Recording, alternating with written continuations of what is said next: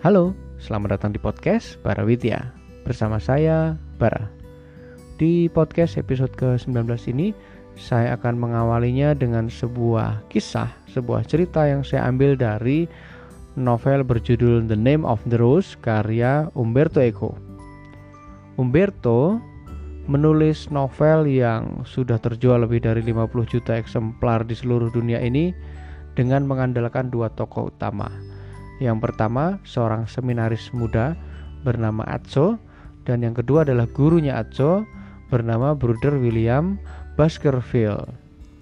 Atso sebagai seorang muda, seminaris muda, tentunya dia memiliki rasa ingin tahu yang tinggi, memiliki keinginan belajar yang tinggi dan dia tentunya mendapatkan kecocokan ketika bertemu dengan Bruder William dia sangat mengagumi gurunya itu karena Bruder William di novel ini digambarkan sebagai seorang tokoh, seorang sosok yang cerdas, kritis, yang cool secara penampilan, yang punya daya imajinatif yang tinggi, yang bisa mengungkapkan uh, kasus-kasus uh, yang terjadi di biara itu dengan cukup detail dan cukup baik. Dan Atso dalam setiap tindakan gurunya itu selalu mengagumi. Dan tentunya dia ingin menjadi seperti gurunya itu. Karena kagum, wah kayaknya gua keren nih kalau jadi seperti dia. Dia yang pinter, dia yang kritis, dia yang pinter ngomong, dia yang memiliki pengetahuan luas dan lain sebagainya. Nah, tentunya di novel yang sangat menarik ini menceritakan banyak hal, tidak hanya relasi antara Atso dan William, tetapi yang mau saya garis bawahi adalah sering kali kita atau saya pribadi mengkagumi orang lain, khususnya orang-orang yang saya anggap sebagai mentor, saya anggap sebagai guru. Nah, sayangnya si William dalam hidup saya dan mungkin juga dalam hidup kita itu sering kali nggak cuma satu. Jadi ada William satu, ada William dua, ada William tiga kita belajar tentang uh, public speaking dengan mentor A, kita belajar kewirausahaan dengan mentor B, kita belajar sosial dengan mentor C, kita belajar politik dengan mentor D dan lain sebagainya. Dan sering kali mentor satu dengan mentor lain, guru satu dengan guru lain itu sangat beda pandangannya, sangat beda prinsipnya, sangat beda tindakan dan pola pikirnya. Nah, sehingga membuat saya pribadi dan juga mungkin kita merasa bingung. Saya kagum sama semuanya, tapi saya harus meniru yang mana? Nah, tentunya eh, pada akhirnya mungkin kita akan menemukan formulasi yang tepat. Oke, eh, mentor si A ini kelebihannya ini, kekurangannya ini, mentor B kelebihannya ini, kekurangannya ini, sehingga kita bisa mengevaluasi dan kita bisa memilih mana yang mesti kita tiru dari mentor-mentor itu. Tetapi Persoalannya adalah sering kali kegalauan atas jalan atas metode yang mesti kita tiru dalam hidup kita itu um, terpicu dari rasa ingin tahu, rasa iri atau rasa cemburu dengan jalan atau cara yang dilakukan oleh orang-orang di sekitar kita, oleh teman kita. Ambil contoh seperti ini. Kadang-kadang um, saya merasa pilihan saya itu keliru. Saya merasa apa yang sudah saya putuskan itu keliru karena membandingkan dengan teman-teman atau dengan orang-orang yang ada di sekitar saya.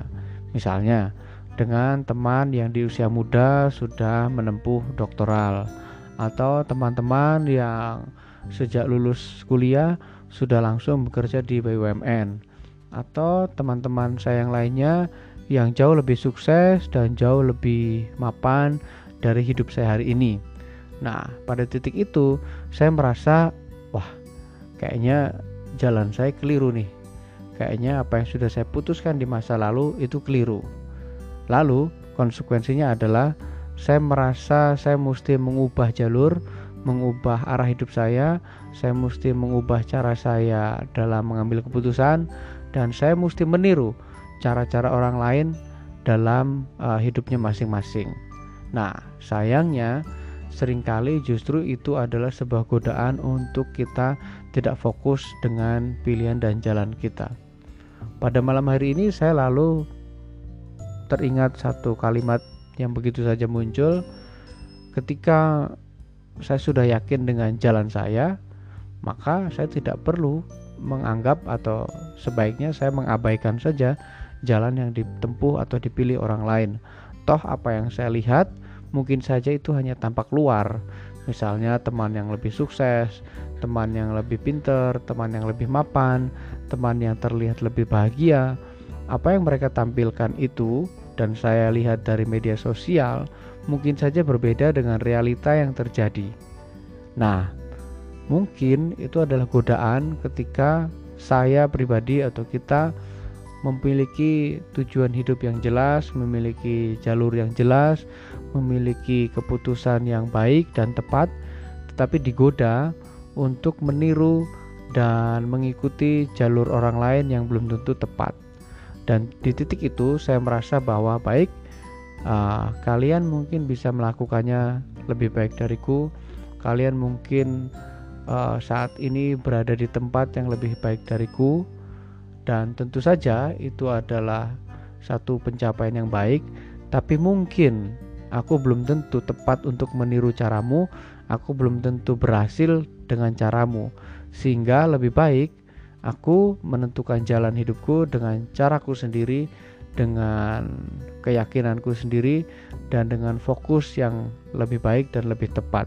Nah, ketika perasaan itu muncul, lalu akhirnya saya merasa um, ya sudah, kalau memang uh, saya diterpa atau saya merasa iri atau saya merasa uh, orang lain lebih baik, baik itu juga tidak masalah tapi tentu saja kita mesti kembali fokus terhadap arah dan tujuan hidup masing-masing, arah dan tujuan hidup sendiri. Jangan sampai justru arah yang sudah baik, arah yang sudah tepat itu dibiaskan atau mulai digoda dengan cara-cara yang seperti yang saya sebutkan tadi, iri hati, ingin melakukan yang dilakukan orang lain, menganggap diri uh, rendah diri dan lain sebagainya sehingga tergoda untuk mengganti jalur hidup kita. Seperti Atso pada William, mungkin dia terkagum-kagum dengan William yang keren, yang cool, yang kritis dan lain sebagainya dalam novel itu. Tetapi tentu saja Atso memiliki karakter sendiri, William memiliki karakter sendiri. Kita tidak bisa mengcopy paste karakter satu sama lain. Sehingga pada akhirnya saya kira kita lihat saja banyak contoh, banyak teman, banyak mentor tetapi kita perlu membuat satu formula yang khas dengan diri kita masing-masing, yang paling tepat dengan diri kita masing-masing. Dan bagaimana cara menemukannya? Tentunya dengan cara keheningan.